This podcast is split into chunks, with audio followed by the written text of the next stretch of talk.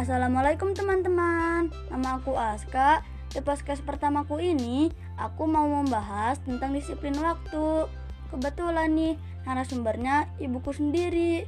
Yuk bareng-bareng kita simak. Assalamualaikum ibu. Waalaikumsalam Aska. Gimana kabar ibu hari ini?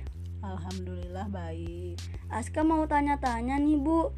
Di masa pandemi ini anak-anak banyak melakukan kegiatan dari rumah Seperti sekolah, mengaji, bahkan sampai bermain pun sering dilakukan di rumah.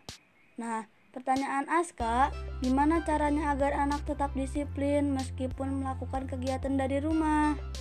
Baik Aska, ibu jawab ya Kebetulan anak-anak ibu sudah dilatih disiplin dari kecil Sebelum masa pandemi pun anak-anak sudah disiplin waktu Sehingga ketika mereka harus melakukan kegiatan di rumah mereka sudah terbiasa.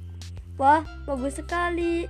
Bagaimana caranya menerapkan disiplin waktu di rumah? Begini ya, Aska. Anak-anak sudah punya jadwal sendiri kegiatan sehari-hari dari bangun tidur sampai mau tidur. Tentu itu sudah kesepakatan ibu sama anak-anak. Misalnya, bangun tidur jam berapa, waktu sekolah jam berapa, waktu mengaji, sampai waktu main jam berapa, sudah ada jadwalnya. Begitu ya, Bu. Patut dicontoh nih teman-teman. Kita harus punya jadwal kegiatan sehari-hari. Dengan begitu, kita akan terbiasa disiplin waktu.